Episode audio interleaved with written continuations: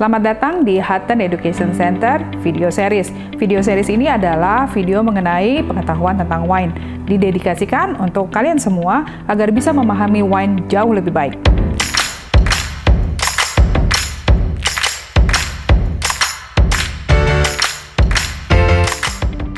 Pada episode ini, kita akan membahas tentang bagaimana oak memberikan influence terhadap wine.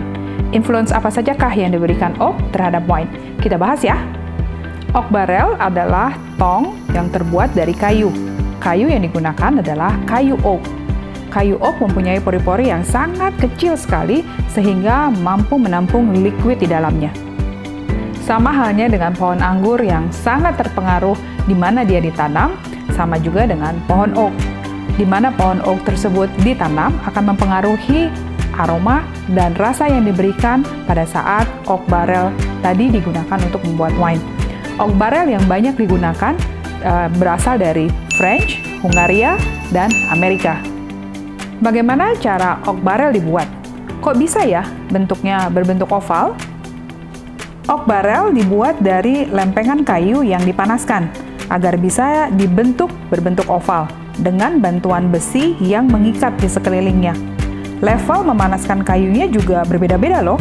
Karena ada proses pembakaran kayu, sangat memungkinkan kita mendapatkan aroma dan rasa hasil pembakaran kayu seperti smoke, toasty, atau karamel di dalam wine. Kita kenali bagian dari oak barrel yuk. Kita pelajari struktur dari oak barrel tersebut. Bentuknya kayu, berbentuk oval, dan dengan besi atau yang disebut dengan hook yang mengelilingi sebagai pengikat dari kayu hanya ada satu lubang di oak barrel, disebut dengan bunghole, yang dilengkapi dengan tutup yang terbuat dari silikon berwarna putih. Barrel juga memiliki beberapa ukuran, yang di masing-masing region penyebutannya berbeda-beda. Pada proses pembuatan wine, oak barrel digunakan bisa pada saat fermentasi dan atau pada saat maturasi atau aging menjadi keputusan winemaker untuk menentukan seberapa besarkah influence dari oak barrel tersebut yang diinginkan pada saat proses pembuatan wine-nya. Pada intinya, ada beberapa hal yang menjadi catatan. Seberapa besar, besar atau kecilkah ukuran dari oak barrel? Berapa lamakah wine tersebut disimpan atau di-aging di oak barrel? Akan sangat mempengaruhi influence rasa yang mungkin terjadi pada saat oak barrel bertemu dengan wine.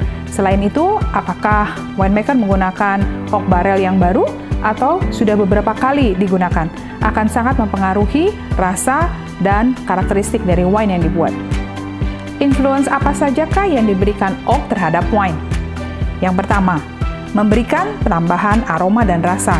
Contohnya vanilla, smoke, coconut, dan clove. Yang kedua, memberikan influence oksigen terhadap wine.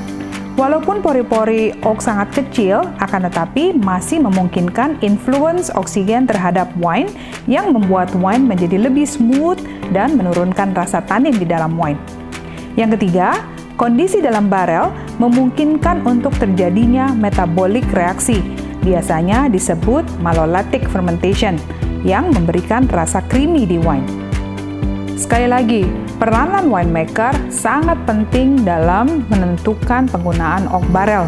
Keputusan penggunaan untuk menentukan style seperti apa yang diinginkan untuk wine yang dibuat.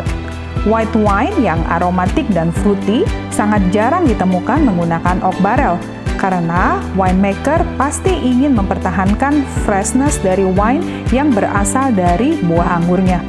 Sedangkan red wine dengan tanin yang sangat tinggi sangat banyak ditemukan di fermentasi dan atau di aging di oak barrel untuk membantu menurunkan level tanin dan menambah aroma dan flavor komponen di dalam wine-nya.